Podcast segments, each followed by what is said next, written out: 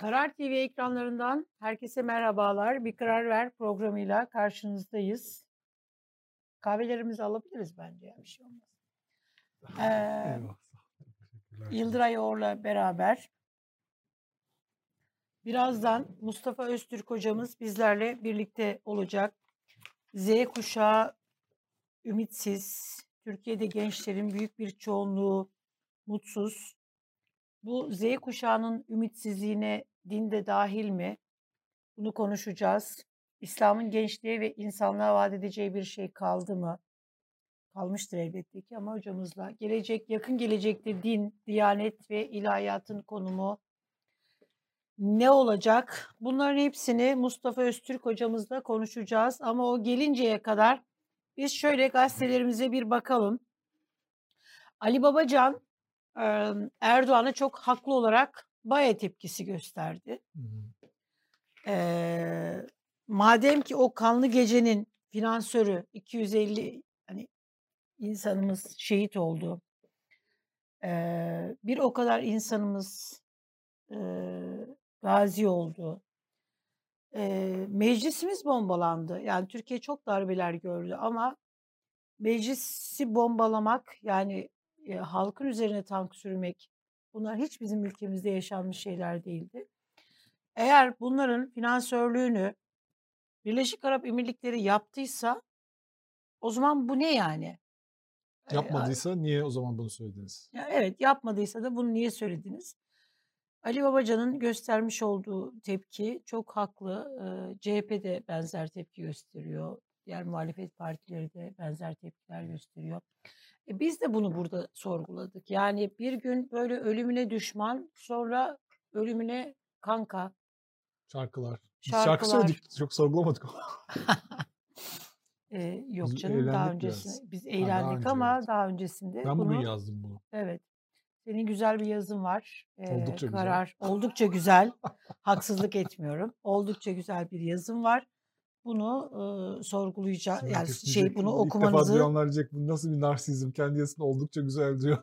yok hayır Hani ama espriyi e, bilmeyenler espriyi eski programlara baksınlar. evet eski programa baktıklarında görürler yani o oldukça sözünün eee, benim için program için ne anlam Anlamı oldu. ifade Çok önemli. Karardaki dengeler açısından çok önemli. Tabii yani bir güzel var bir oldukça güzel var. Yani sonuçta Cumhurbaşkanı Erdoğan da normalde mesela diyelim ki dostluk seviyesine göre e, şeylerde bulunuyor. Can dostum diyor, do- dostumuz diyor, sevgili dostumuz e, ya da lider buna göre e, bir şey var. Yani her şey gü- güzel ama güzelin güzeli var, iyinin iyisi var. E, Vay. böyle. Yeni Şafak'ın Ben bugün evet. Bugün sen koptun ona bir evet. inanılmaz Bizi bir de manşet. kopart Yıldıray. koyduk mu bunu şeye? Tabii ki. Bütün Yeni Şafak. Yeni Şafak gazetesinin manşetini Manşetini şöyle da görelim. gösterelim. Tabii görünmüyor. Ben bunu okuyayım. sen Çok oku. efsane. Alınıp saklanacak türden bir şey. Evet. Yuvarlak masa. Yuvarlak masa taahhütleri diyor. Ee, yuvarlak masa dediği bu Ahlatlı Bel'deki altı liderin zirvesi. Diyor ki altı partinin katıldığı yuvarlak masadan Türkiye'nin egemenlik haklarını tartışmaya açacak taahhütler çıktı. Allah Allah. Ayasofya'dan Ege Adalarına, Doğu Akdeniz'den Libya'ya, Türkiye'ye dayatmada bulunan Avrupa Konseyi ve Avrupa Birliği kararlarının uygulanacağı ilan edildi. Yani Avrupa Konseyi, Avrupa Birliği normları diye var ya hani Evet. Cumhurbaşkanlığı hükümet sistemi şeyinde. O paragrafı böyle yorumlamışlar. Şimdi neymiş bu taahhütler? Okuyorum. Anlat Yıldıray bize. Sevr Anlaşması'ndan daha ileri. Hepimiz Yani Sevr gerçekten Anlaşması mi? bunun yanında şey kalır yani ne diyelim dostluk paktı falan gibi kalır. Ayasofya yeniden müze olsun. Bu karar çıkmış. Altı e, liderin buluşmasından. Statüsünü Ayasofya camiye dönüştürmesi üzüntü verici. Karardan vazgeçin. Ayasofya yeniden müzeye dönüştürün. İki, Ege adalarını Yunanistan'a bırakın. Ege adalarını Yunanistan'a zaten Yunanistan'da. Yunanistan Ege adalarındaki egemenliği sorgulanamaz. Türkiye buna saygı duymalı. Her türlü ihtilafı barışçıl biçimde çözmek için çaba göstermeli. Hatırlıyorsun sen altı liderin bildirisinde böyle bir bölüm vardı değil mi? Hatırlıyorsun sen. Dün okumuştuk orada. gizli gizli maddeler hani var ya Lozan'ın gizli anlaş maddeleri diye bir şey var ya onun gibi. Altı Ama bunu nasıl ele geçirdiler ki? Bu Devam 10 yıl, ed- 10 yıl sonra filan hani böyle şey Açıklanır gizlilik böyle şeyler, açıklana, evet. açıklanacaktı. Aynen. Gizlilik Erkenden kararı. ele MİT geçirmişler. güzel çalışıyor. Akdeniz'de sondajı durdurun. Hı hı. terör operasyonları bitsin. Suriye'den askerinizi çekin. Dördüncü madde. Beşinci madde Libya'dan çekilin. Altıncı madde Kavala ve Demirtaş'a özgürlük. Yedinci madde Maraş yeniden kapatılsın. Çok komik bu da. Hani kapalı Maraş. Maraş dediğimiz hani bu Kıbrıs'taki Maraş. Ve 8. Öcalan'a umut hakkı verin. Ömür boyu hapis cezası alan Öcalan ve diğer mahkumlar umut hakkı verilmeli. Bunlar yuvarlak Yıpranma masa hakkı. taahhütleriymiş. Yıpranma hakkı da versek cezaevinde kaldı o kadar. İşte o kadar yok. 8 madde. Bunu da Eksik yani Avrupa kalmış. Konseyi, Avrupa Birliği Türkiye'de bunları istiyor. Bunlar da Avrupa Konseyi ve Avrupa Birliği normlarına atıf yaptıklarına göre bunları istiyorlar. Bunları taahhüt ediyorlar şeklinde bir akıl yürütmesiyle Hmm. eee, bir manşet ortaya çıkmış. Gerçekten eee, tam şey kesip saklamalık. Bu dönemi anlatan işte bu kararlardan bazıları diyor bir de. Bundan altı liderin haberi var mı bunu imzaladıklarını? Yoksa birisi araya masaya bunu sıkıştırdı da. Masanın altında. Evet. Masanın Boş altı kağıt mı imzaladılar acaba? olabilir. Sevde de böyle yapmışlardı. Ha ya. İşte. Neyse. Bu da bugünün haberi bu olsun. Şey vardı. Takvim gazetesinde bir tane bir ismini unuttum. Benim böyle biraz eee bir, bir, bir, bir muhabir bir, birisi vardı böyle. Ağaçla röportaj yapan mı? Ha Ağaç'ta evet. Mevlüt Bey. Mevlüt neydi?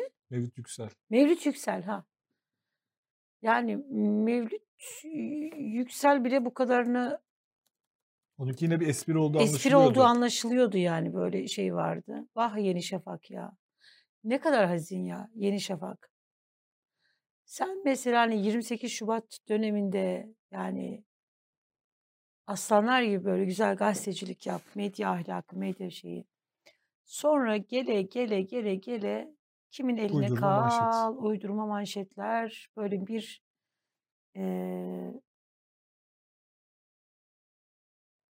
yazık ya.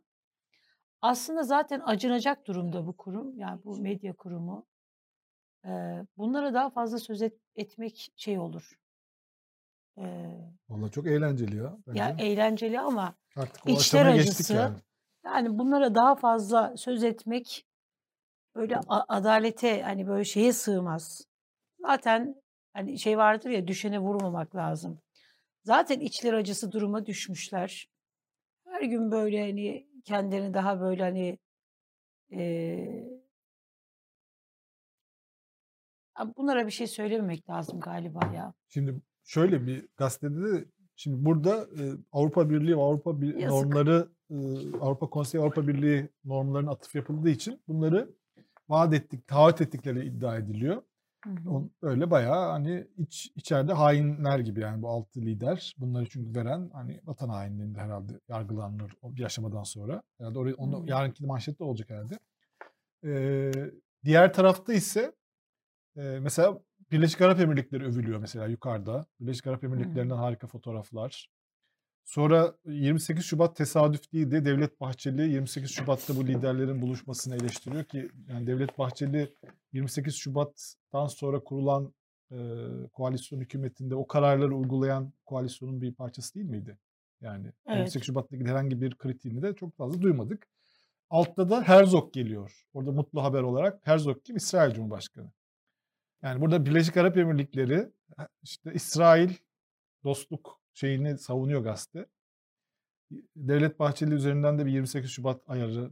Yani Meral Akşener'e, Temel Karamollaoğlu'na, Ahmet Davutoğlu'na, Ali Babacan'a Devlet Bahçeli 28 Şubat ayarı veriyor. Çok acayip bir dünya yani bu. Yani Evet. kim kim kime 28 Şubat ayarı verebilir yani bu denklemde. Neyse böyle hani şey hani işimize hangisi gelirse yani. İşimize geldiğinde Baye dost, İsrail dost. Gelmediğinde zaten İsrail kökünden yıkılması, şey yapılması gereken bir devlet. Yani böyle bir şey var yani. Pragmatizm var. Yani bunu bu pragmatizme bir şey diyemezsin yani. Bunu mücadele edemezsin yani. Bir temeli yok çünkü. Yani ne diyeceksin? Bir taraftan bir şey desen başka bir şey diyorsun adam. O yüzden böyle kenara bırakıyoruz bunu. Bir tane izleyicimiz var bizim Yolcu isimli. Eee, ya hanımefendi ya da beyefendi ya her kimsen ya trollük yapma, partisanlık yapma. Burası yer yeri değil. Yani a, tamam e, yaptığın Deva Partisi pro- propagandasının bu derece hiç kimseye bir faydası yok. Burası troll yeri değil. Olsun yapsın. Yok olmaz ama yani Herkes sürekli işte. bu şey değil. Yani sürekli çünkü programı izlemeden ezbere dayalı. Yok yani burası burası o yer değil. Ee, çünkü hani hiçbir partinin burada hani bu trollü yapan kimsesi yok. Ee, bunun yeri bu değil. Sokağa çık, kapı kapı dolaş, başka bir yere git. Propagandanı, trollüğünü git başka yerde yap. Burası değil. Yani burası değil kardeşim. Her kimsen. Yaşlı mısın, genç misin? Yani ama burada olma. Şimdi Karar Gazetesi'nin manşeti Z kuşağı ümitsiz. Ee, Türkiye'nin acil gündemi olması gereken vahim bir tablo. Evet.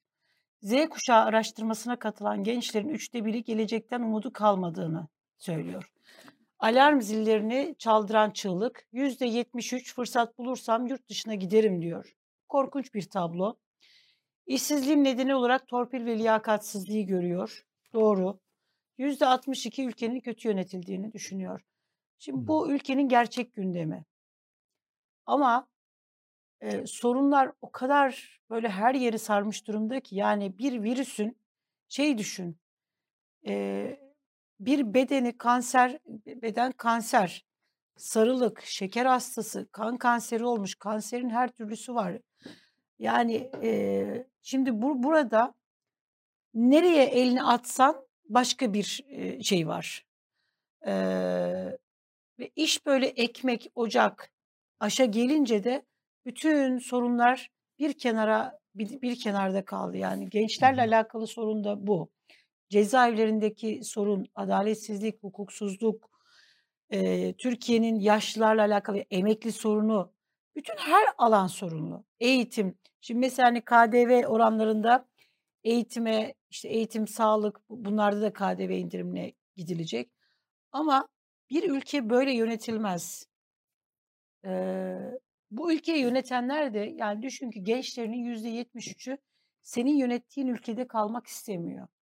AK Partili yetkililer gerçekten artık her ne yapıyorlarsa bunu bir kenara bırakıp bu ülkenin sorunlarına sahip bir şekilde çözüm bulmaları gerekiyor.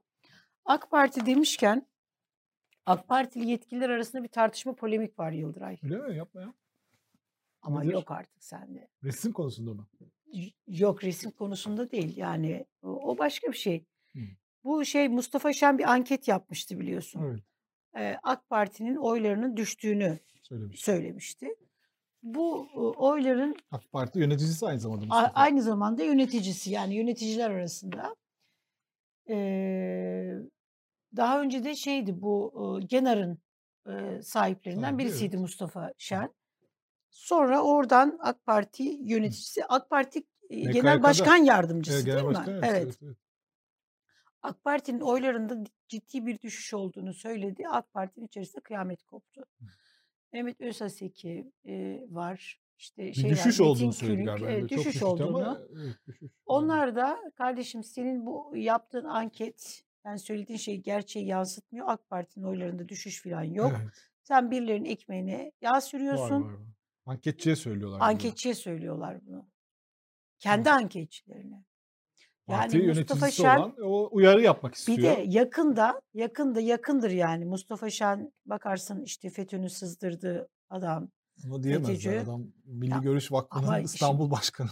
Doğru ama akıl saçması bir durum şeyden geçtiğimiz için yani nerede duracaklarını bilmiyorlar yani bir, bir şeye başlayınca. Evet. Gerçekle Yani- kavga ediyorlar aslında. yani. Evet Aslında gerçekle birileri de uyarmak istiyor. Daha Hı hı. akıl akıllı insanlar var tabii. Onlar Evet. görüyorlar manzarayı, uyarmak Evet. istiyorlar ama Hı bir grup insan da gerçekle kavga ederek prestij elde ediliyor çünkü gerçekle kavga Evet. edilince. E İşte o saçma sapan bir tartışma. saçma sapan bir tartışma. Bugün şeyde sabahta çok acayip bir haber var. Ben bunu görünce sen görmedin herhalde bunu. Sen Görmedim. görseydin ilk bunu okurdum bence. Neyi? Ee, şu. Bu kadarı vicdansızlık. Bu kadarı da vicdansız. Gördün mü sen onu? Ay görmedim yok. Çok acayip. Aa bir dakika. Neye diyor bu kadar da vicdansızlık? Ee, diyor ki gıdada KDV %1'e inmesine rağmen fırsatçılar etiketi önce yükseltip üstünden indirim yaptı diyor. Hükümet vatandaşı rahatlatmak için KDV %8'den 1'e indirdi. Ancak bazı marka ve marketler 7 puanlık indirim öncesi yumurta, yağ, çay, çay gibi gıdaların fiyatlarını yükseltip Sonra sözde indirim yaptı. Denetim elemanı gibi çalışan binlerce vatandaş fiş ve belgeleri paylaşarak fırsatçılığı gözler önüne serdi. Evet. Bu kadarı da vicdansızlık diyor. Peki e, hükümetimizin yaptığı zamlar yani petrol Hı. zamları, elektrik zamları yani bütün bu fiyatların esas artmasına neden olan zamlarda vicdansızlık Hı mı yoksa o kelimeyi burada sadece e, marketçiler için mi kullanabiliyoruz?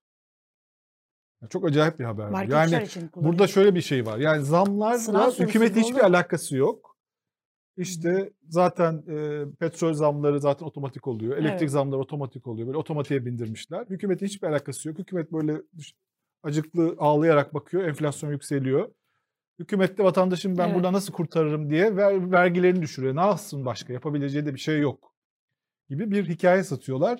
Artık hikaye öyle bir aşamaya geldi ki e, böyle e, muhalefet ediyorlar bir de. Hani vicdansızlık bu kadarı da. Popülizm bile yapıyorlar yani bunda. Çok enteresan gerçekten.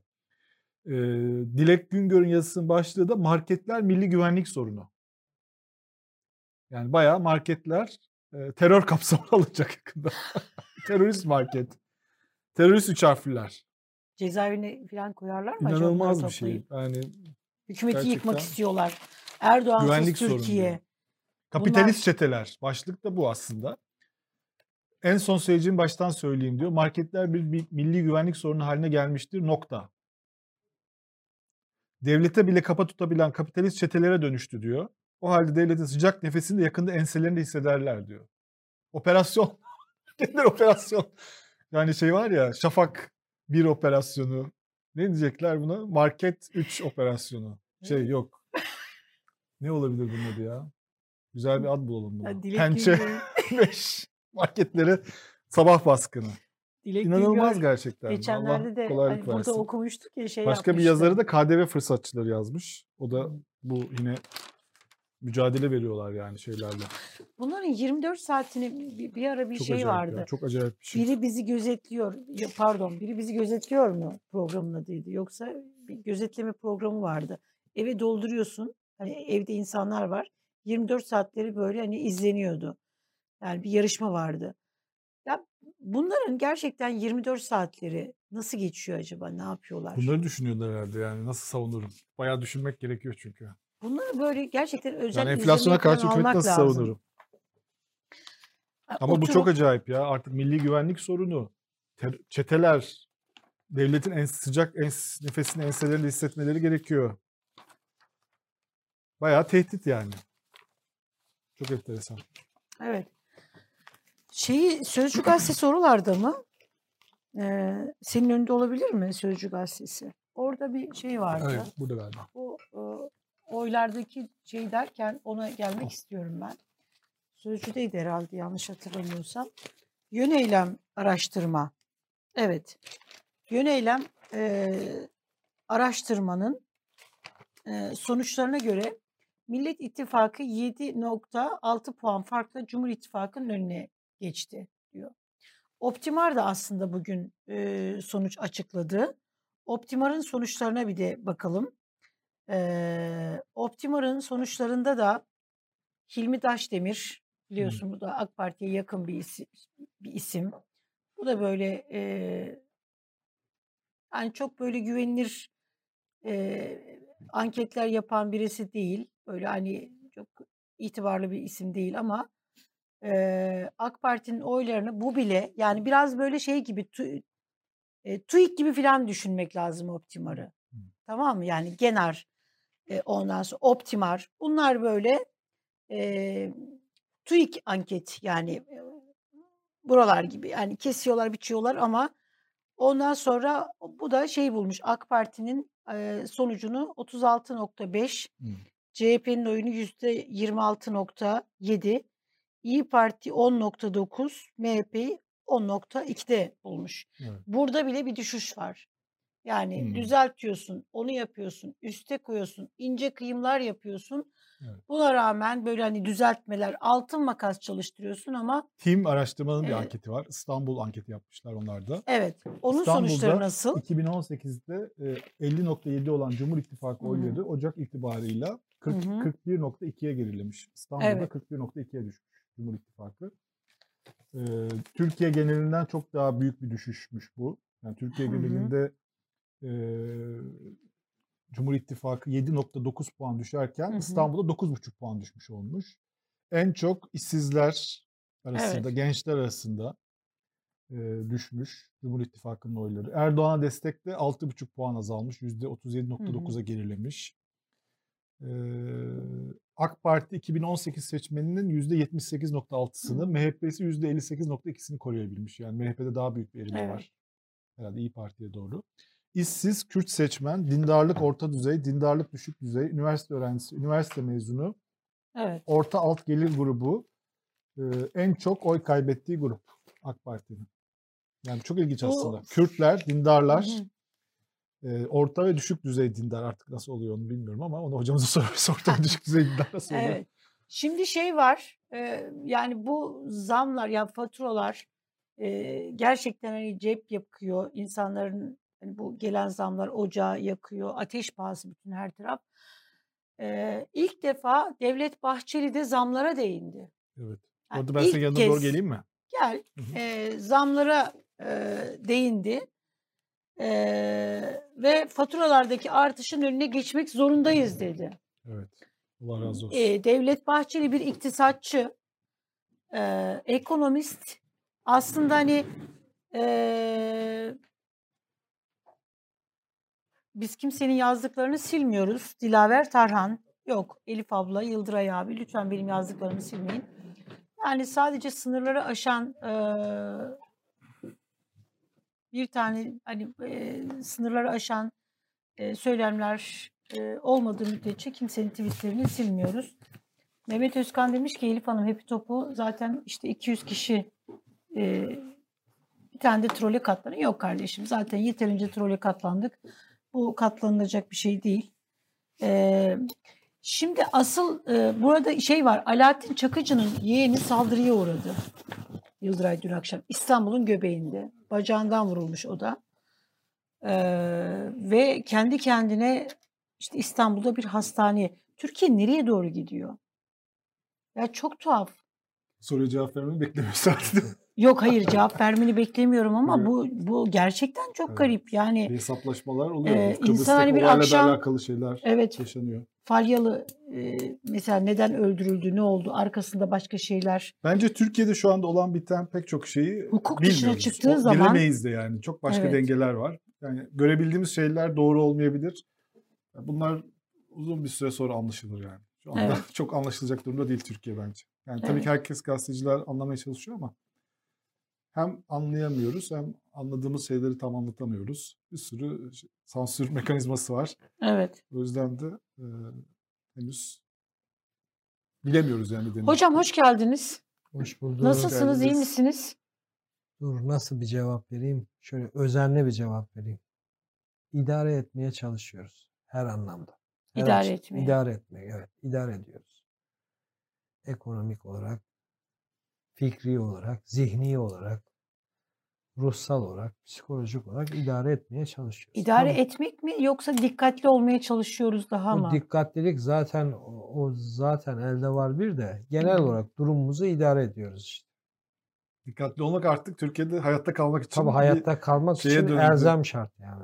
Olmazsa olmaz. yani. genlerimize işledi artık. Evet. Evet. Şimdi bir şeyimiz var. Aslında bir oraya bakalım mı? Bu zamlar hani siz de çünkü dediniz ki e, işte bir, bir taraftan ekonomik kriz, faturalar, idari işte hani fikir konularında açıklarken idare ediyoruz filan. Bütün her şeyde evet. Ya şimdi bu kadar Devlet Bahçeli de zamlara e, değindi ilk kez. ilk kez yani bir iktisatçı, ekonomist. E, ama bir de şöyle bir şey var.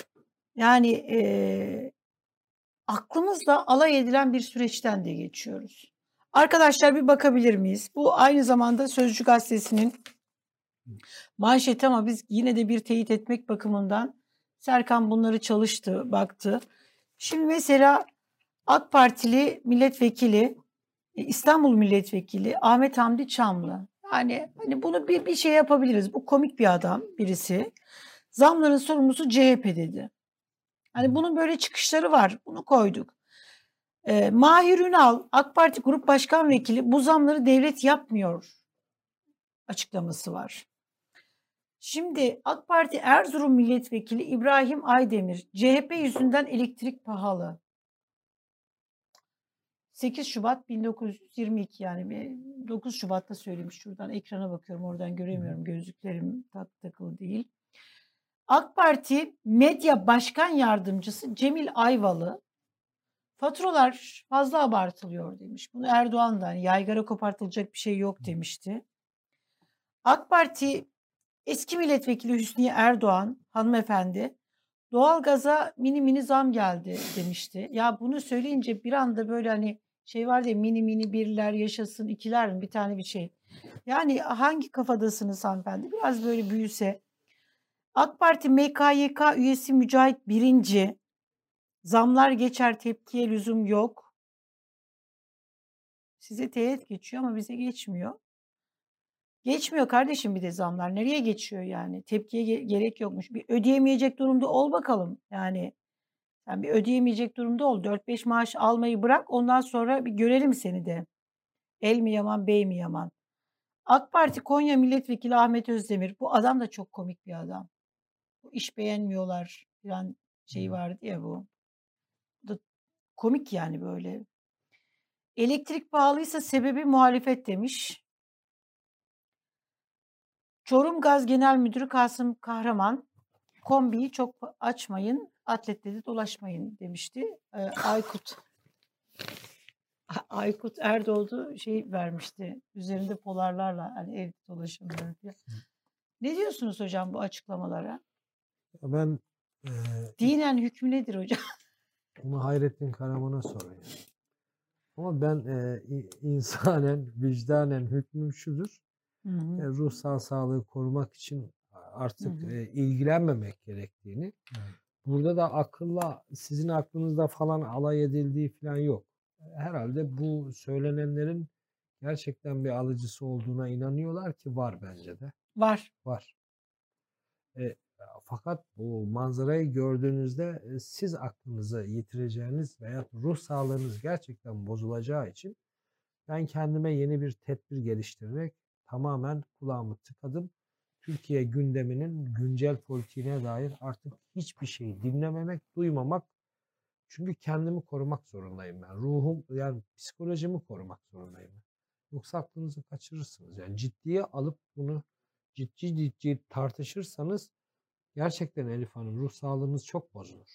Yani gündelik hayatı yaşayamayız hale geliyorsunuz.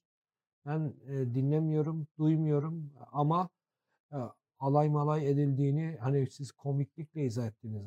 Ne diyeyim? Adamın kendisi komik olabilir. Hakikaten de komik. Fakat bu komikliğin Türkiye'de %25 ila 30 civarında bir Alıcısı satın var. alıcısı var. Ee, yani bu Bugün mesela nasıl- Sabah gazetesi diyor ki marketlerde diyor vergi KDV düşürüldü yüzde bire gıda Ama şeyinde. bunun e, bu alıcı nasıl oluştu? Benim şöyle bir e, su geçirmez e, bir kutuplaşmayı başardılar. Hı hı. Su geçirmez bir kutuplaşma. Yani şöyle bir kutuplaşma. Karşı tarafta ne olup bitiyor acaba? Bir de oraya kulak versek diye.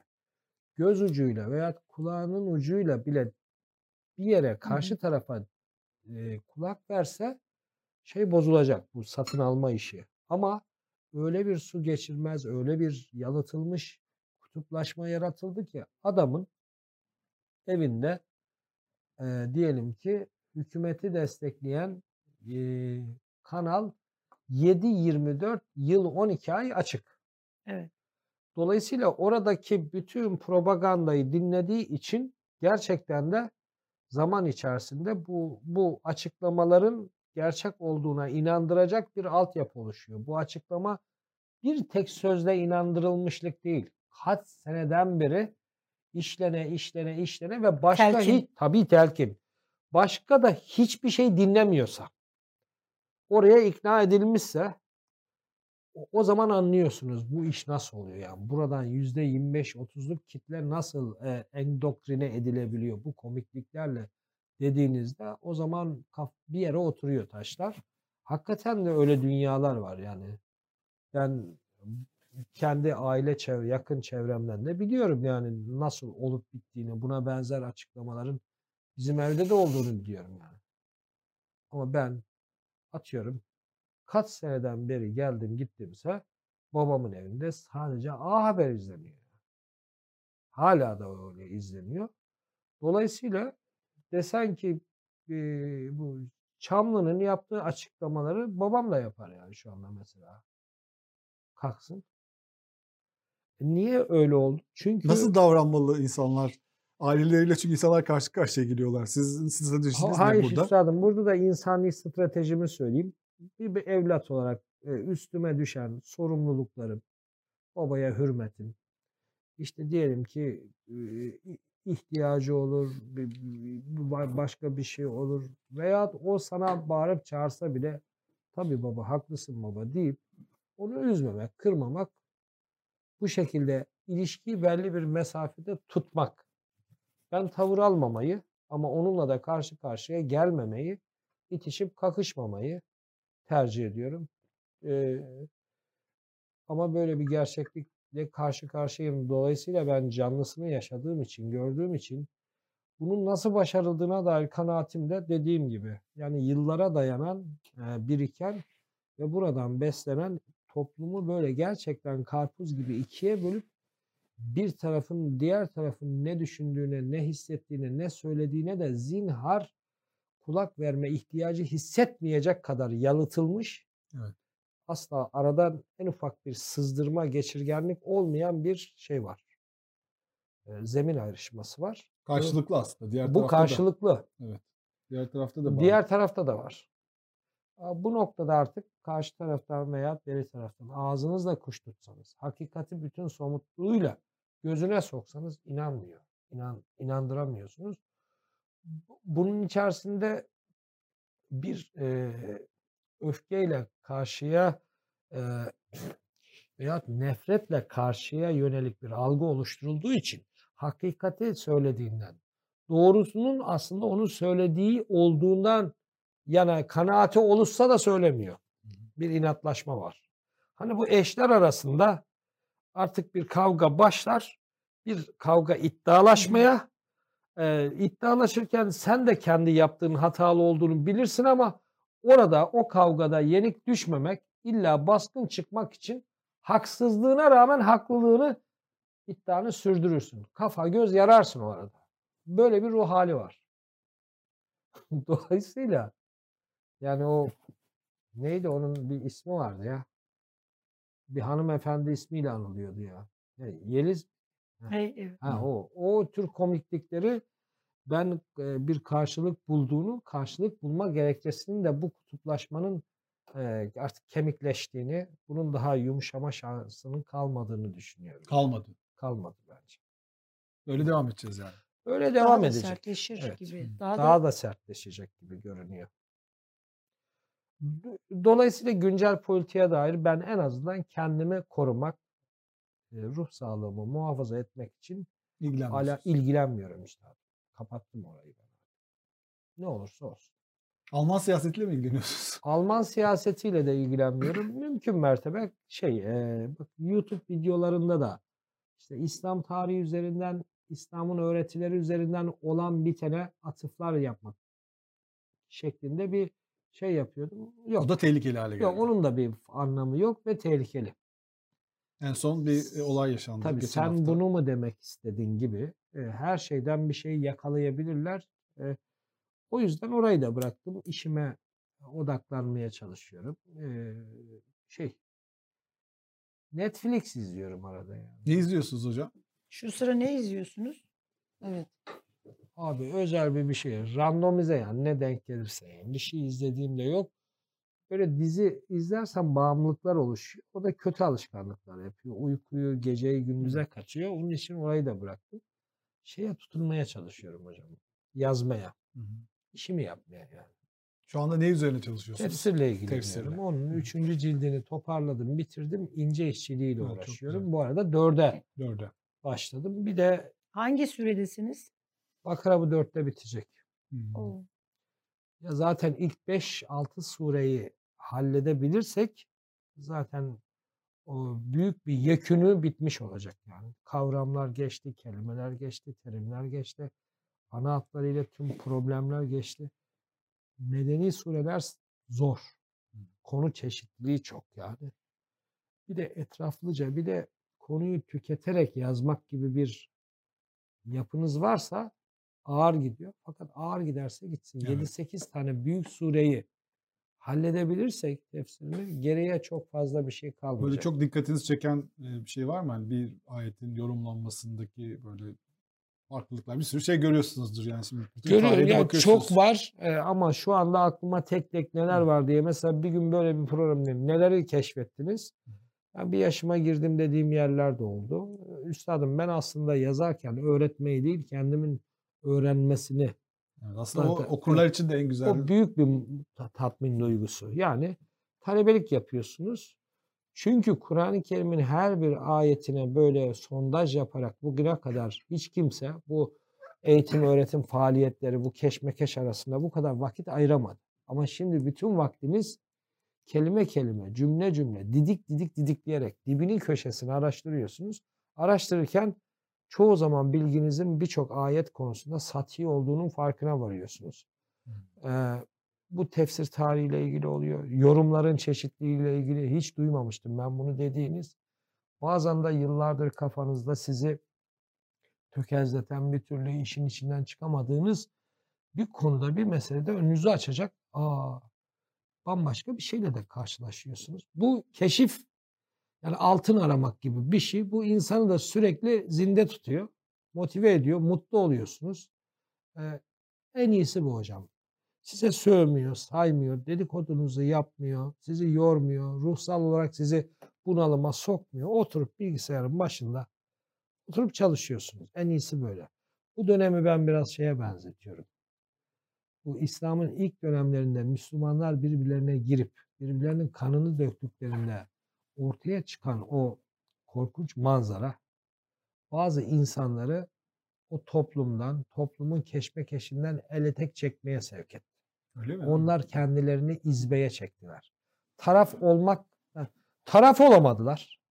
Orada da baktılar samimi iyi insanlar var. Burada da var. Fakat ikisinin iki grubunda yaptığının hiçbir izahı yok. Ortada da bir cinayet var. Kan dökme var. Ben nerede yer almalıyım? Ben hiçbir yerde yer almamam gerekir. Ben gidip kendimi bir inzivaya çekeyim. En azından kendimle hemhal olayım. Bu bir tercihti. Bu bir kaçış yoluydu. Bu bizim tasavvufun başlangıç evresi. Zühd böyle başladı. Adını koyarak girmediler bu yola. Biz zahit olacağız. Yaptığımız işte ileride tasavvuf geleneğinin altyapısını oluşturacak diye düşünülerek, taşınarak yapmadılar. İçinde bulunduğu toplumsal durumun yarattığı kaostan, travmadan daha az etkilenmek için en azından ya kendimle uğraşayım, kendime çeki düzen vereyim. Ben aynı zamanda bugün de böyle bir bir dinden, dindarlardan, muhafazakarlıktan yana hani bir bezginlik, bir yılgınlık, bir yorgunluk varsa şayet hocam sizi hep karamsar görüyoruz. Hiç ümit umut aşılamıyorsunuz şeklinde bir şey var. Ben olan bitene dair eleştiri yaparken ümidimi üzdüğümden en azından kendime dair veyahut bu dinin kendisinde özünde bir şey olmadığından yana bir deklarasyon yayınlamıyorum. Ben diyorum ki artık meydandan çekilelim. Bu kargaşadan, bu gürültüden bir sakinleşelim. Herkes kendi çekirdeğine, özüne çekilsin. Bir süre sessiz kalmayı, en azından kendisiyle hemhal olmayı, kendisini toparlamayı, bu da bir fırsata dönüştürsün. Biz insansak ve insanlık sınavımızı, bak dini terminoloji kullanmayacağım. Müslümanlığımızı, hani o Kur'an-ı Kerim'de imtihan kelimesi değil, imtihan değil. Yani insan olmanın sınavını hayatta kaldığımız sürece iyi olmaktan, iyiden yana olmaktan, iyiyi çoğaltmaktan yana bir insanlık sınavımız varsa ben bu sınavdan, bu mücadeleden vazgeçmeyeceğim. Ama bazen bu meydan yerinde yapılır. Ama bazen meydan yeri orman yan, yanıyorsa, zebrası da, tavşanı da, aslanı da aynı istikamete doğru koşuyorsa belli ki topyekun orman yanıyordur. Ha. O zaman da kendinizi biraz geri çekersiniz. Bu da bir fırsattır. Başka bir vesile. Çünkü artık orta yerde olmanın bu cümbüşün bu hercümercin içinde bir şeyler konuşmanın bir faydası yok. Biraz sakinlik, biraz suskunluk, biraz kendimizi dinlemek, bunu da bir fırsata dönüştürmek. Burada ümitsizlik yok bu işte hocam. Evet. Bu süreci artık bu raddeden sonra bu kavganın, bu dalaşın, bu kuru gürültünün içerisinde yer alarak değil, dışarıda kalarak şöyle periferide durarak, sakinleşerek hem kendinizi sağaltarak e çünkü yeniden başla. İnsanız hocam biz bu iyi olmaktan, iyiye taraf olmaktan, adaletten, merhamet. Yani bize öğretilen ya da dinin önümüze koyduğu değerlerden vazgeçmedik. Sui misal, emsal olmaz. Yani kötü örnekler varsa bunun faturasını bizzat o dinin öğretisine, ahlakına çıkarmak çok ucuz bir tavır, çok ucuzcu bir yaklaşım. Ha Kur'an-ı Kerim'in, İslam'ın bu konuda insanlığın hiç görmediği, daha bugüne kadar insanlığın hiç tanışmadığı birçok şey getirdi. İlk defa İslam bunları vaat etti demiyoruz. İslam'ın da Kur'an'ın da bir özgünlük iddiası hiç olmadı. Eskiden beri de vardı. Biz o eskiden beri de olan Kur'an'ın da sahip çıktığı ve önümüze koyduğu o insani ahlaki değerlerden vazgeçmeyeceğiz. Vazgeçmeyeceğiz. Bugün bunlar suistimale uğradı. Birçok insanda artık bezginlik yarattı. Hayal kırıklığı yarattı. Bizde de yarattı. Yarattıysa yarattı. İnsan neyi istismar etmedi ki? E, onlar istismar etti diye bir tekmede düşene benim vurmam gerekmiyor. Ben burada o değerlerden asla vazgeçmiyorum. Ateistlerin bana karşı bir acayip bir ilgileri, merakları ve kışkırtmaları var. Ya Ne abi, tür- ya abi, kışkırtma? abi ya abi sen hala niye orada duruyorsun? Ne diyorsunuz orada? Aslında sen inanmıyorsun ha. İnanmıyorsun da söyleyemiyorsun falan. Abi niye söylemeyeyim ya? Sermayesi yok, maliyeti yok. Bir de kendi çevremden kaybedeceğim bir şey yok. İnanmıyorsam inanmıyorum da rahatlıkla derim. Yani Talha Hakan Alp Niye böyle Hoca- değerlendiriyorlar sizi peki? Yani buna sebep olan şey ne? Üstadım Türkiye'de ara renk, ara ton diye bir şey kalmadı. Evet. Bu kutuplaştırma denen lanet olgu artık şöyle bir yere yöne söylediklerinizin adresi eleştiri olarak bir tarafa gidiyorsa o zaman sen karşı tarafta yer almalısın. Yani mutlaka sizi kategorize etmek ihtiyacı hissediyorlar. Evet. Ya oradansın ya buradansın. Sonra da e, beklediğiniz beklemedikleri bir şey söyleyince hayal kırıklığına hayal kırıklığına uğruyorlar. Karşı tarafta öyle, beri tarafta öyle. İki tarafında şey var. Yobazı var. Yobaz tek taraflı değil. Şimdi Öyle siz Bakara üstadım. suresini dördüncü ciltte bitiyor dediniz Evet. değil mi? İnşallah. İnşallah. Ee, bu Hazreti Adem ve Havva ile iliş Havva'ya ilişkin ayetler Bakara suresindeydi. Bakara suresi Değil mi? evet, evet. Yani ayet numara- Kırklarda. Evet. Bu hani cahillik üzerinden e, Türkiye'de yer yerinden oynadı. E, Sezen Aksu'nun bir şarkısı üzerinden. E, siz o ayetlerin e, tefsirini, e, nüzul sebeplerini, o, o dönemki hani inme sebeplerini bunların hepsini yazdınız. Bir anlatır mısınız? Yani cahil demek e, Hazreti Adem Adem'e, kıssasının Bakara Havva'ya evet. bu kadar ağır bir itham mıdır? Siz ne gördünüz o ayetleri? Bakara yorumlarken? Bakara suresinde ilk defa geçen Hı hı. e, iblisi de içine katarsanız e, Kur'an-ı Kerim'de de yedi defa yedi ayrı bağlamda biraz uzun biraz kısa tekrar eden bir kıssa bu. Hı hı. Musaf sırasına göre ilk Bakara'da geçiyor. Ve iz gâle rabbuke lil melâiketi inni câilun fil ardı halifehten sonraki gelen şeyde. Hı hı. Orada Allah Adem ve Havva'ya e, bu Adam ve Eva yani Tevrat'ın Genesis'indeki ifadesiyle Evet. e, bu kıssanın bir benzerine Sümer mitolojisindeki Dilmun'da falan Dumuzi'de falan oralarda da rastlayabilirsiniz. Evet. Yani insanlığın köken mitosudur bu aslında. Kur'an-ı Kerim bunu ödünç alıyor aslında bir bakıma. Genesis'in İsimler bile aslında. tabi benzer. aynı. Adam, Eva, Adam, Eve. Eva. Yani bizde de Adem, Havva. Tevrat'ta bu Adam yani adam 500 küsür yerde geçer. Bunun yaklaşık yarıdan fazlası cins isim olarak geçer. İnsanoğlu. Human yani. insan varlığı demek, insan türü demek. Bu bizim geleneğimizde şah şahsına münhasır gerçek tikel, tekil birey olarak anlaşılmış.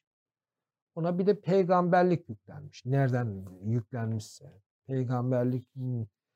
Ee, ben o kıssayı bir geleneksel yorumuna aktardım. Bu mitoloji geleneksel yorumların tamamı. Öyle mitoloji ki komiklik düzeyinde mitoloji yani hem de. Adem yaratıldığında ve yeryüzüne düştüğünde boyu bulutlara kadar değiyormuş. Bulutlar bu gıdıklanıyormuş. Başı bana değiyor diye. Yeryüzüne ben bu ağırlığı taşımıyorum, taşıyamıyorum diye zorlanıyormuş. Allah Adem'in başına bastırmış. Boyu işte 1.70, 1.70. Nerede geçiyor? Bu mu? O kıssanın tefsirinde mesela Salebi'nin Araisül Mecalisinde. Ha, böyle tefsirlerde böyle Tefsirlerde. Tefsirlerde böyle var yani. Yani mesela Seylan'a düşmüş iblis. Adem Hindistan civarlarına düşmüş bombaya falan. Havva Arafat'a dönüşmüş. Adem Hindistan'dan Arafat'a dört adımda tak Basra. Körfezi gelmiş. Orada da karşılaştıkları için adı Arafa. Yani tanışma tepesi olmuş falan. Masal, hurafe, geyik. Burayı geçiyorum. Bizim geleneğimizde Sufilerin mistik yorumları çerçevesinde Adem'i ilk Adem, yeryüzünün ilk insanı olarak anlamayan bir damarımız da var. Daha önce nice nice Ademler geldi geçti. Buradan anlıyoruz ki bu Tevrat'ın yaklaşık 7-8 bin seneye varan insanlığın kökeni hikayesi daha dünkü çocuk demektir. Öyle bir sayı var galiba Tevrat'ta değil mi? Tabii yani 6283 çünkü öyle bir şey. Net. Tevrat'ta peygamber silsilelerinin ömürleri yazdığı için en geriye getirdiğinde insanlığın hikayesinin başı 8 hadi taş çatlasın göbeğinizi çatlatsanız 10 binde bitiyor 10 bin yılda. 10 bin yıl şurası ya. E, Göbekli Tepe bile Adem'den daha eski bir Adem'e işaret ediyor. Nereden bakarsanız. Zaten orada hani Evet. bu, bu, bu yorum yani bu Evet. şey meleklerle ara, e, Allah'ın arasındaki geçen hani e, yeryüzünde fitne çıkartacak çünkü melekler. Ben geleneğin Evet. yorumlarını böyle hurafi olarak aktardım. Evet. İkincisi e, bazı müfessirler var Yıldıray hocam. Kıssayı e, o bağlamsal o tarihsel bağlam içerisinde yorumlama eğiliminde. Hı. Taberi böyle mesela. Diyor ki Taberi bu kıssanın burada şurada duruyor olmasının anlamı bakın Yahudiler bu peygambere küçümsemeniz, aşağılamanız, ona gerçek bir peygamber olarak bakmamanız konusunda gösterdiğiniz kibirli, küstah, kendini beğenmiş tavrınızın ilk örneği, numunesi iblisin Allah'ın Adem'e karşı saygı göster, emrine gösterdiği tavrın aynısıdır. Hayır, siz de biliyorsunuz bunu Siz zaten. de bunu biliyorsunuz. Aha da hikayeyi bizzat sizin kitaplarınızdan aktarıyorum. Hmm. Şunu söyleyeyim. Bizim e, Tevrat'ta Adem'in cennet kıssası var. Fakat iblis kıssası yoktur. İblis kıssası Hristiyan gelenekten vardır. Hristiyan geleneğinde kanonik İncil'lerinde değil, apokrif metinlerinde vardır. Yani bu Böyle e, çocukluk İncil'lerinde, Thomas İncil'lerinden falan bir yerlerde bulunması. şeytanın e, kıskandığı işte Evet, şey evet, o onlar yok kıskanma yani. faslı yok Bizde Tevrat'ta. Yok. Tevrat'ta yok. Tevrat'ta yok. Tevrat'ta adam. Şimdi gelelim şeye. Bir de geleneğimiz, yeni gelenek. Yeni gelenekte Adem'i insan türü olarak anlayanlar var. Abduh çizgisi böyledir mesela. Ben de o anlama taraftarıyım. Ve orayı her ne kadar Taberi bu bağlamda Yahudilere küstahlığına yönelik bir şey olarak, bir emsal olarak aktarıldı dese de Kaffal Şaşi gibi insanlar ise kötülüğün ve iyiliğin sembolüne temsili bir kıssadır dese de ben genel olarak o kıssayı bir Müslüman olarak Kur'an'la bir gönül bağı, bir duygusal bağ kurduğumda bunu bir entelektüel, zihinsel bağa çevirmek istediğimde bu kıssayı aslında Allah'ın her bir insan tekine, Allah'ın diyelim ki çağrısına iyi kötü icabet etme pozisyonda olan her insana yönelik bir hikayenin şeyi olarak, döngüsü olarak görüyorum. Allah'ın orada ağaca yaklaşması, yaklaşma emri sana kitaplar, peygamberler aracılığıyla önüne koyduğum emirler ve yasaklar konusundaki yasaklarıma ilişme. Oradan uzak dur. Yasağa ilişirsen ihbitu olursun. Yani gözden düşersin. Gnostik felsefelerdeki gibi günaha, maddeye, dünyaya fazlaca bağlandığında özgül ağırlığın artar, aşağı doğru inersin. Tekrar töv ama Allah sana günaha düşmenden sonra da kapıyı kapatmadığını söylüyor. İtirafta bulunursan Adem gibi ya da her birimiz gibi hani Rabbena zalemne diyor. Adem zalimlik ettik diyor zaten Kur'an-ı Kerim'de. Kur'an da söylüyor bu ağaca ya da biz onu sembolik yorumlarsak yasaklarıma bulaşırsan o yasakları işlersen zalim olursun diyor. Adem de işledi. Ağacın ne olduğunun artık hiçbir önemi yok. Bizim eski gelenek ağacı buğday mıydı, arpa mıydı, üzüm müydü, elma mıydı, incir miydi tartışmış.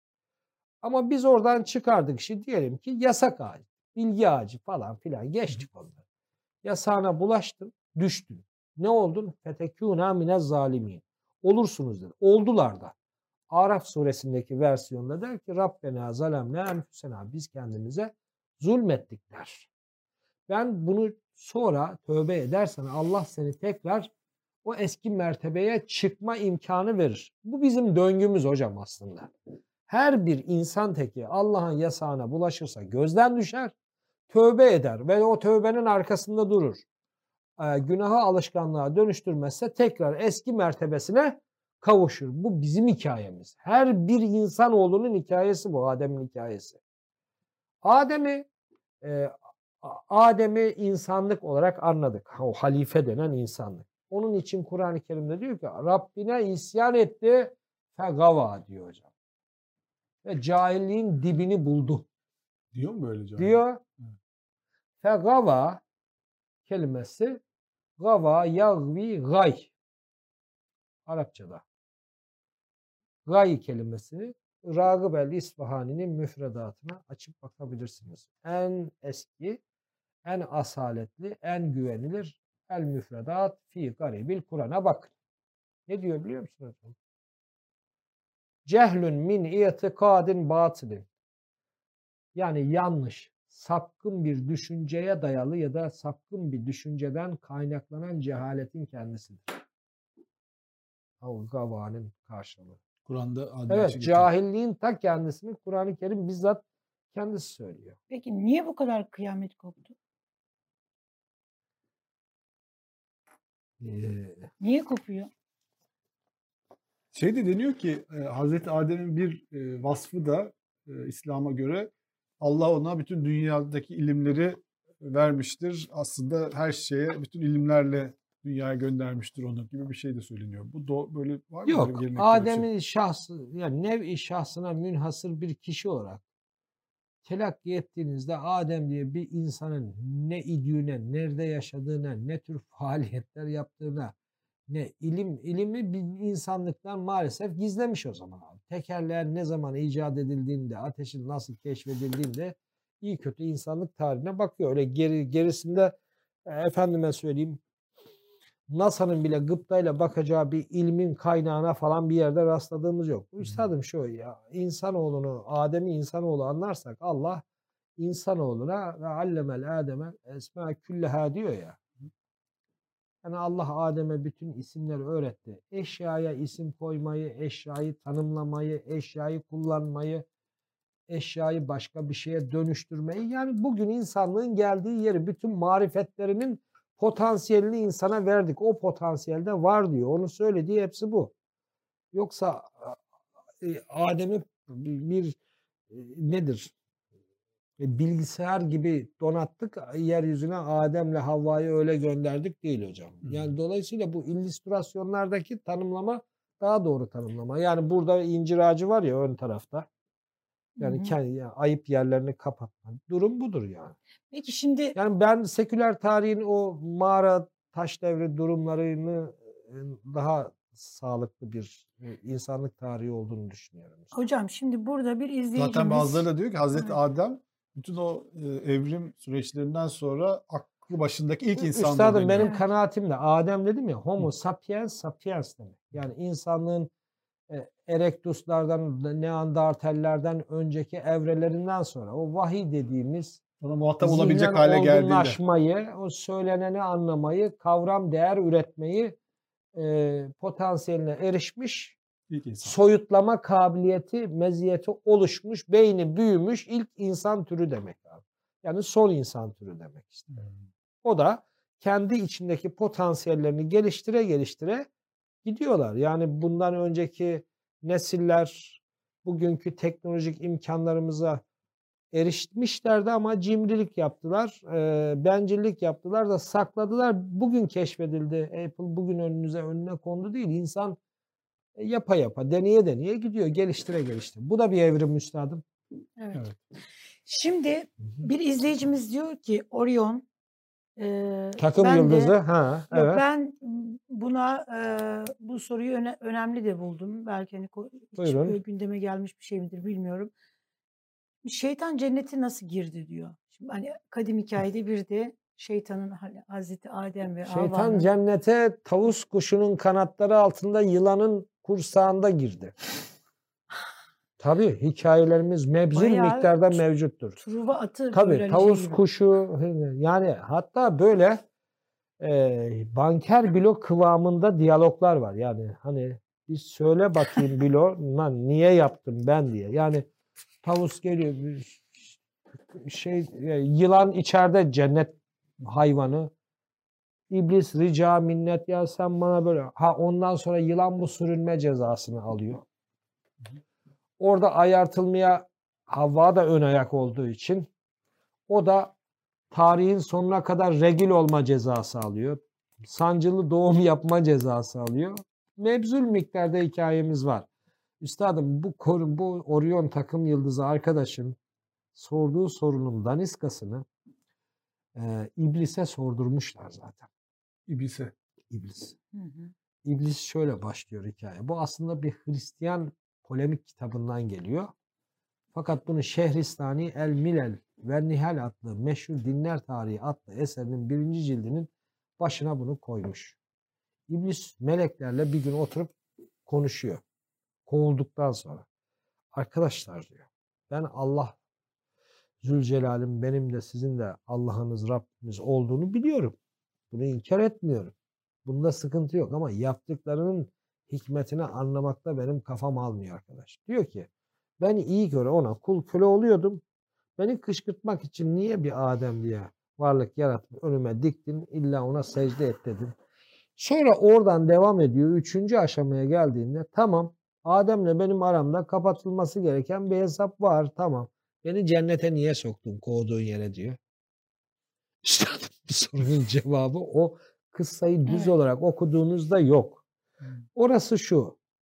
Arkadaşlar bu e, doğu dinlerinde Zerdüştilikte Maniheizm'de şurada burada zulmet, karanlık tanrısı, nur tanrısı, aydınlık tanrısı vardır. Değil mi? Ahura Mazdalar, Ehrimenler. Burada hep bir kutuplaşma vardır. Türkiye sosyolojisi gibi. Yani sürekli e, karanlıkla aydınlığın yani biz bunu iyilikle kötünün, hayırla şerrin e, Kur'an'da da bu nur zulmet karşıtlığı geçer. Bu çatışmayı temsil eden ve insanın potansiyelinde de içinde de zaten mevcut olan bir kötülükle iyilik meselesinin bence temsili bir anlatımıdır. Yoksa Allah iblisi karşısına almış karşılıklı olarak basbayağı dedim dedim şeklinde bir polemik gerçekleşmiş değil. İşin ontolojisinin bir fabıl anlatım tarzıyla anlatımıdır. Fabıl Evet. nedir? La Fontaine'de gördüğümüz, İslam geleneğinde Keline Dimne'de gördüğümüz bir takım hayali kahramanlar koyarsınız. Bu Hayvanlar. bazen hayvanlar olur. Bazen hayali masalsı kahramanlar olur. Onların dilinden biz bunu Mevlana'nın mesnevilerinde de görürüz. Onların dilinden bir hikmetli, ibretli bir anlatı ortaya koyarsınız. Hele de muhatap aldığınız toplum sözlü kültür toplumuysa, dinlemeye dayalı öğreniyorsa o zaman kıssa anlatım tekniği olmazsa olmazdır. Halen dahi geçerlidir. 21. yüzyıldayız. Bilişim teknolojisi çağındayız. Bugün bile bir şey anladığınızda böyle felsefi soyutlamalarla falan filanla oturup konuştuğunuzda önünüzde 15 kişi olur. Bir varmış bir yokmuş evvel zaman içinde, kalbur zaman içinde modunda Ahmet Bican'dan girip Envarul Aşikin modunda hurafe, menkıbe edebiyatı anlatırsanız binlerce kişiye hala toplarsınız. Kur'an-ı Kerim'de anlatmak istediği şeyin zarfı olarak kıssalar kullanıyor. Araya da içine de mazrufunu koyuyor. Kur'an-ı Kerim'de kıssalar bir mazrufu taşıyan zarftırlar. O açıdan baktığınızda iblis kıssası olmuş, bitmiş, tarihin bir yerinde, zamanın bir yerinde gerçekleşmiş bir diyalogdan ziyade kainat yaratıldıktan sonra insanın gönderildiği bu düzenek içerisindeki iyiliğin ve kötülüğün sunumu, anlatımı ve Tanrı'nın iyilikten taraf olduğunu, insandan da iyilikten taraf olması gerektiğini, kötülüğün de kişileştirilmiş olarak, sembolize edilmiş olarak şeytan diye isimlendirildiğini, daha mitik bir isim olarak da, köken ismi olarak da iblis. İşte bizim batı dillerindeki bu şeytanın tarihleri vardır. Kabalcıdan çıkan kitapları bilirsiniz hocam. İşte o diaboluslar falan filan. Ee, o.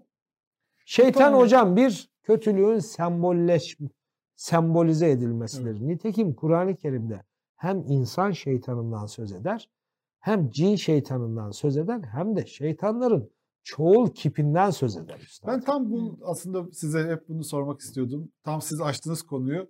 Biraz da e, bu yaşadığımız tartışma... Reytingi düşük olacak. Özür dilerim. Yani Yo, yo, benim gayet iyi. alıcım çok fazla iyi. yok. Bizim- Reytingimiz gayet Aha, iyi. Memnunuz. yani ama- devam edin böyle. Yani aklım bunlara eriyor. Yani bilmiyoruz Şimdi yani. tam ben bunu sormak istiyorum. Şimdi Bizim bu İbrahim Kahveci'nin elektrik fiyatlarını bilmiyorum üstadım. e, hı. şimdi Buyurun abi. e, dinin İslam'da elektrik galiba iki tane size. katmanı var değil Var. mi? Yani biz sizin söylediğiniz bu semboller, hikayeler yani çünkü muhatap sonuçta önemli olan muhatabın mesajı anlaması. O yüzden böyle anlatmak zorunda olunan bir kısım var. Bir de sizin daha çok ilahiyatçıların e, bu işle ilgilenen insanların ilgilendiği daha e, felsefi bir tarafı var. Çok daha derinlik bir tarafı var. Onun o da herkesin anlaması da belki mümkün değil onu. Zor bir şey. Emek sarf etmek gerekiyor onun için. Şimdi şu anda Ama- yaşanan tartışma Ama var. benim de Hı. en alttaki en düz, en yalın anlayanın da müştereken anlaması gereken ortalama akıl, Evet. sağduyu yani üniversite sınavında 3 soru yapma kapasitesi bile gerektirmeyecek netlikte anlaşılır. Kendiliğinden anlaşılan bir şey var abi. Evet. Bu, Bu kitap sizin iyi bir insan olmamızı istiyor. Hı hı. Mesajını anlamak için. En ufak bir zihinsel çabaya gerek yok üstad. Evet, bu da çok önemli. Burası çok önemli ya. Evet. Bunun üstünde ben felsefi meraklarım olabilir. Bir sıradan insanın hayatında bir kez dahi merak etmediği soruyu okumalarım, mürekkep yalamalarım bana sordurmuş olabilir. Bu bir kibir değil. Okumam beni buraya Yok getirmiştir. siz onu da çok iyi Tabii anlatıyorsunuz. Yani, varlığı anlamaya çalışıyorum. Nereden geldiğimi anlamaya çalışıyorum ve anladıklarımı basitleştirerek anlatmaya çalışıyorum. Peki bu gerçekten Evet. şu anda ilahiyatçıların din üzerine düşünen insanların üzerindeki bu baskı, işte tehditler bunlar biraz bu iki anlayışın çarpışması gibi mi? Yani bir kesim insan yani oradaki sembollerin hepsinin aslında sembol olmadığını söylüyor. Çok daha ne diyelim selefi bir okuma yapıyor. Yani metin üzerinden bir okuma Hocam yapıyor. eskiden Ve sizin evet. gibi insanların daha derinlikli düşünen insanlara e, sizin Evet. hani heretik bir yorum yaptığınızı Evet, söylüyor. Eskiden bu sembol olarak anlamayan, avamı nas gibi anlayan, halk algısıyla algılayan. Yani Adem'in boyu şu kadardı, Allah başına bastırdı, indirdiği böyle gerçek gibi inanan insanların algısı hüküm ferma oldu. Oradan geçtik. Yani taraftarı varsa, ikna olanı varsa varsın olsun. O da bir anlama Yet- şekli. O da Evet. bir anlama şey. Ama yeter ki iyi bir insan olsun. Yani neye inanırsa inansın, Hmm. Allah'ını nasıl kavrarsa kavrarsın, Adem'i nasıl tasavvur ederse etsin. Bana ne? Ben dışarıda benle, senle, ötekiyle, berikiyle, toplumla, devletle, milletle olan vatandaşlığına, insanlığına ortalama insanlık duruşu benim için önemli. Ya benim hukukum önemli onunla. Ben din alanının bekçisi de değilim. Yetkilisi de değilim. Resmi temsilcisi hiç değilim. Evet. Bir de bazı Beni- insanlar öyle anlayabilir değil mi Evet, dini? Yani tabii hurafe denen şeyle de insanlar tabii anlayabilir. bazıları da öyle. Hurafe sana iyi geliyorsa Hı hı. ve psikolojini sağaltıyorsa ve senin dini duyarlılığına pozitif bir katkı sağlıyorsa kalkıp böyle epistemik bir faşizmle bir felsefi Çok bu faşizmle bu önemli. böyle anlaşılmaz, bu böyle yorumlanmaz. Ya arkadaşım neyi pay edemiyorsunuz ya? Nasıl yorumlarsa yorumlansın. Dinin varoluş gerekçesi insana iyi gelmesiydi. Çok doğru. Ona iyi geliyorsa mevlüt okutuyorsa oku. Hu bidat deyip üstüne gitmenin bir alemi yok. Siz yapmıyorsunuz. Evet. Ben yapmıyorum. Kandil diye kandil gecesi geldi. Ben de oturup kandillere saydırıp döktürürdüm. Yani Fatimilerde çıktı. Ya regaib neymiş? Peygamberin rahmine düştü. Ya doğum tarihini bilmiyorsunuz, rahmine düştüğünü nereden biliyorsunuz diye saydırıp oradan bir şekilde bir muhalif rant devşirirdim. Üstadım ben dini polemik konusu haline gelmez. İnsanlar o geceleri bir şekilde kendilerine iyi geliyorlarsa iyi geliyorlar. Bir de bu kültür olmuştur. Kültür, Bu bana ne? Şey bir kültür. Pozitif bir kültür bir de bu. Ama o insan bunları yaparken bütün insanlığın ortak değeri haline gel. İlla ayete, hadise falan gerek yok. Çalmasın, Hmm. çırpmasın. Hırsızlığa karşı duyus- duyarlı olsun. Haksızlığa karşı duyarlı olsun. Bir hukuksuzluk olursa tepki koysun. Bir adaletsizlik varsa vicdanı sızlasın. Dile Hmm. getirsin. Bunlar da olsun. Ama hurafeye iniyor. Neye inanırsa inansın. Öbürü Şintoizme ram olmuş. Belki bilmem neye tapınıyormuş. Buraları hiç ilgilenmedim Yavuz Hocam'la. Ama bu senin söylediğin bu dil, bu inanış biçimi bir şımarma edasıyla Hmm. Kendini kalktı, dayatıyor. dayatmaya başladı. Garip bir süreç başladı şimdi. Biz tavuğuna bizim oranın tabiriyle kışı demedik. Yani ben bugüne kadar e, yafta yapmadım yani şu şu camianın Din dışı demediniz. Atıyorum. Tekfir etmediniz. Erenköy cemaatinin veya İskender Paşa cemaatinin inanç biçimleri Ramuz el ahadisi elle tutulacak bir kitap değil. Gümüşhanevi'de kimmiş ya Mahmut Sami Efendi ne alim mi diye ben hiçbir dil uzatmadım kimseye. Bir şey yapmadım. Ama terlik satmayın dedim. Peygamber terliği. Kefen satmayın dedim. Bak bu şarlatanlıkları yapmayın dedim. Bu ayrı bir şey. Ama Evet. İsmail Ağa cemaatinin inanç biçimi yok onların rabıtası, yok zikiri, yok evradı. Hiç karışmadım. Dahasını söyleyeyim. Benim İskender Paşa evradım 35 sene oldu. Muşamba cilt, sarı renk, şamua kağıt, eski evrat. Yani duası fazla, ayeti az olan evrat. Yani o bir de update edildi biliyorsun. Kolaylaştırıldı mı? Yok. Daha Kur'an merkezci bir evrat üretildi. Yani. Benimki eski, konvansiyonel evrat. Şu anda göstereceğim. Araba dışarıda, torpidoda duruyor. Evrat diye ne Evrat şu hocam. için evet, Virt. Yani zikir zikir şeyi. şudur. Hafız değilsiniz, bir şey değilsiniz ama 7 güne bölünmüş tematik olarak. Bugün tövbe ayetleri. Öbür gün istiğfar ayetleri atıyorum. Öbür gün mağfiret ayetleri, bağışlama ayetleri. Arkasından o minvalde dualar, o minvalde bir de seyyidül istiğfar. Yani Estağfurullah. estağfurullah, estağfurullah, estağfurullah diye işte devam eden seyyidül istiğfar ve belli bir takım virtler, işte Kadıyaz'ın şifasından bir takım e, beyitler, oraları çok okumuyorum. Ama üstadım küfürden iyi, hakaretten iyi, dedikodudan iyi, laf dolamaktan, çevirmekten iyi. Ayet ayet, altta da dua ya. Kimin evradı olursa olsun güzel bir şey ya. Bak sana eksiksin, kusurlusun, insan ol, iyi ol, kendini gözden geçir, tövbe et diyen bir şeyler var. Onu okuyorsun orada duruyor ya Kime zararı var? Bu değildi benim derdim. Bu ama bu bu bu anlama biçimi geldi. Bura benim olacak. Burada benden başka bir anlama biçimine yer olmayacak.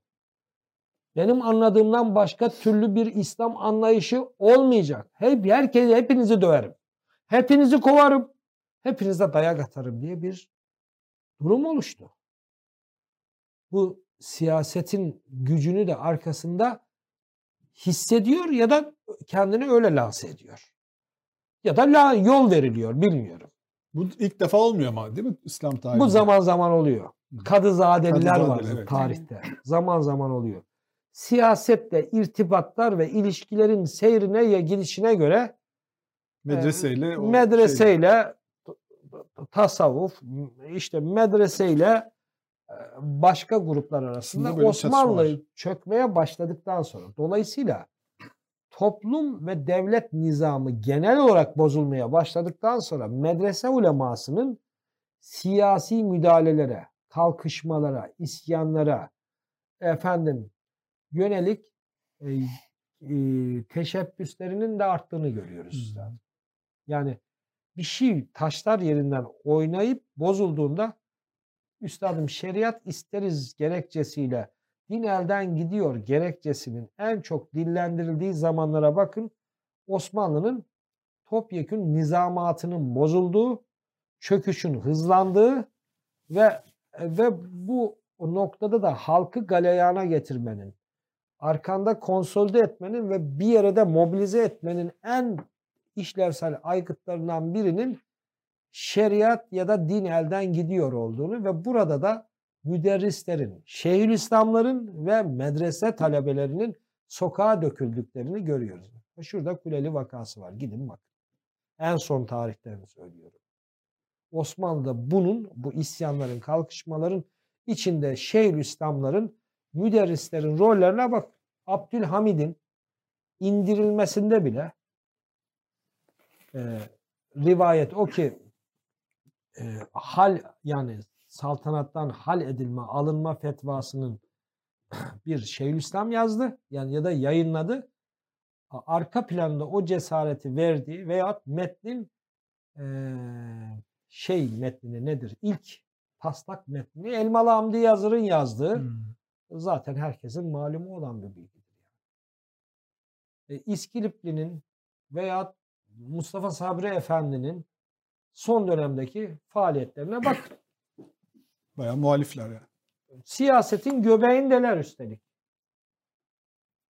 O açıdan bakıldığında tarih boyunca bu cemaatlerin örgütlü herhalde hocam örgütlü olunca ses getirme kapasiteniz e, iyi kötü bir baskı grubu oluşturma kapasiteniz artıyor olsa gerek ki o sizde bir pazarlık imkanı mı yaratıyor?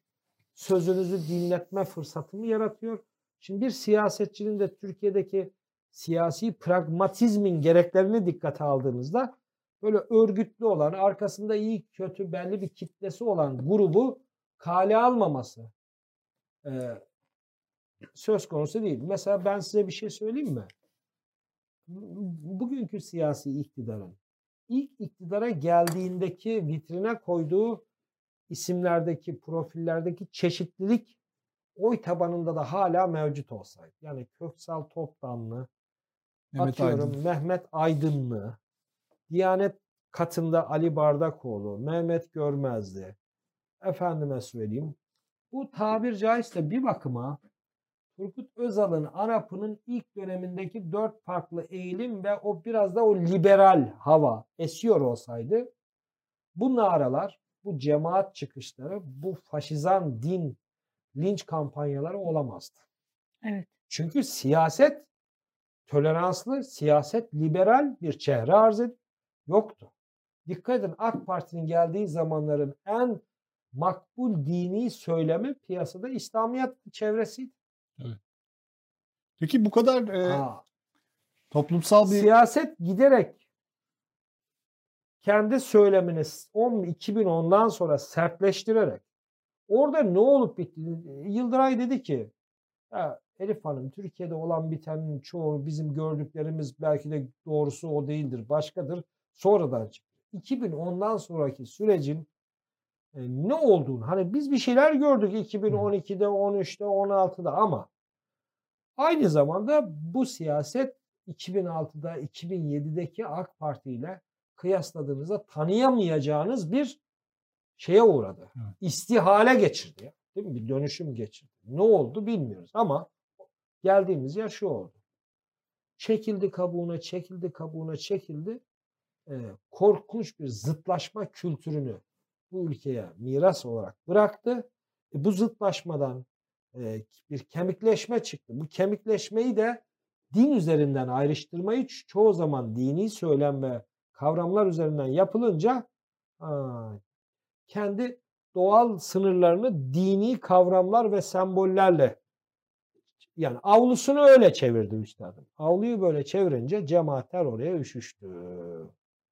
Dendi ki madem dinden konuşuyorsun, kendini din üzerinden tanımlıyorsun, asıl sınırlarına da din üzerinden çekildin ve dini semboller üzerinden sürekli bir hassasiyet dili geliştiriyorsun. O zaman sen de bizim isteklerimize cevap ver.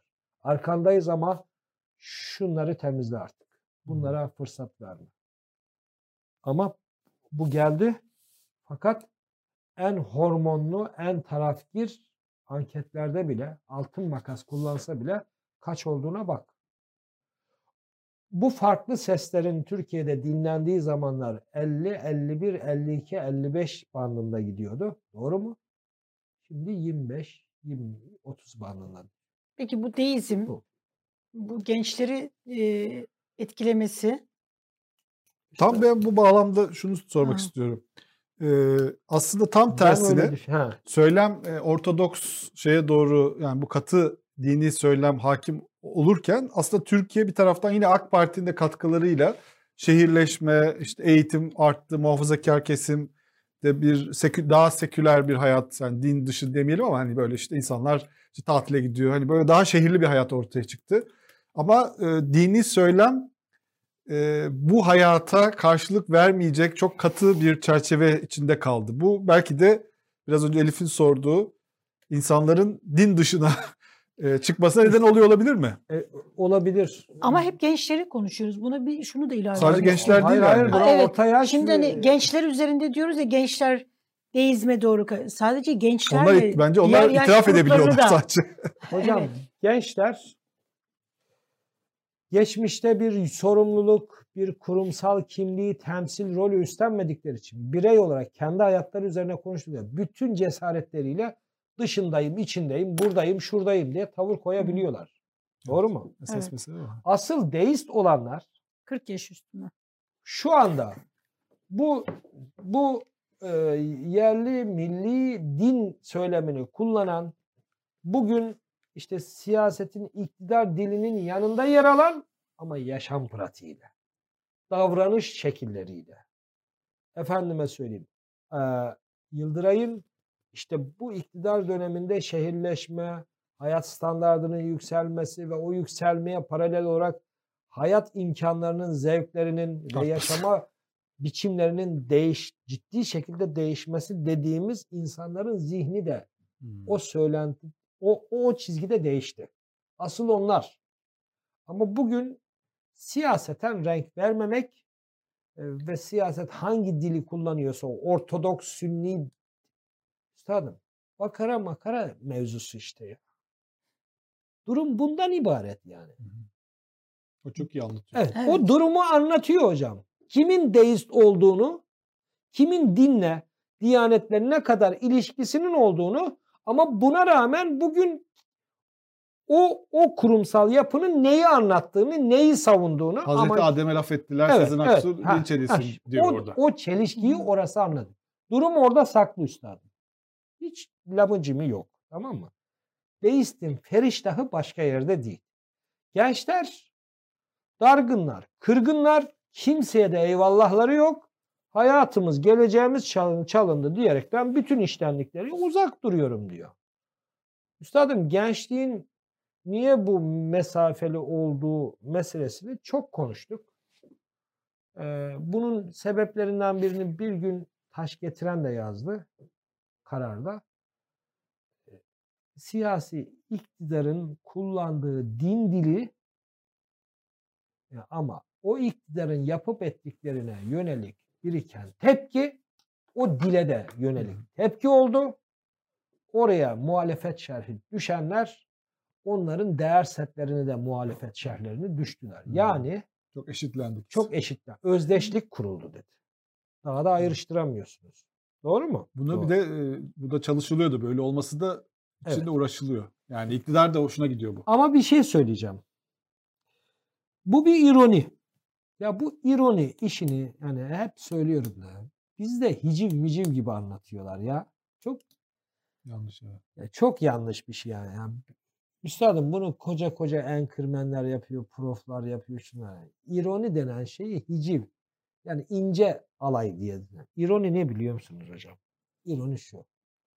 Bu kadar ortodoks, sünni, dini bir din referansı kullanan, kendini çoğu zaman ötekinden din üzerinden dini söylemlerle ayrıştırmayı kendisine bir tür vazife sayan bir siyaset döneminden geçiyoruz. Bu siyaset dönemi sonucu itibariyle bizim Türkiye'nin önüne sekülerizmin zaferini bırakacak. Atatürk'ün yapamadığını yapıyor. Atatürk'ün yapamadığını yapacak.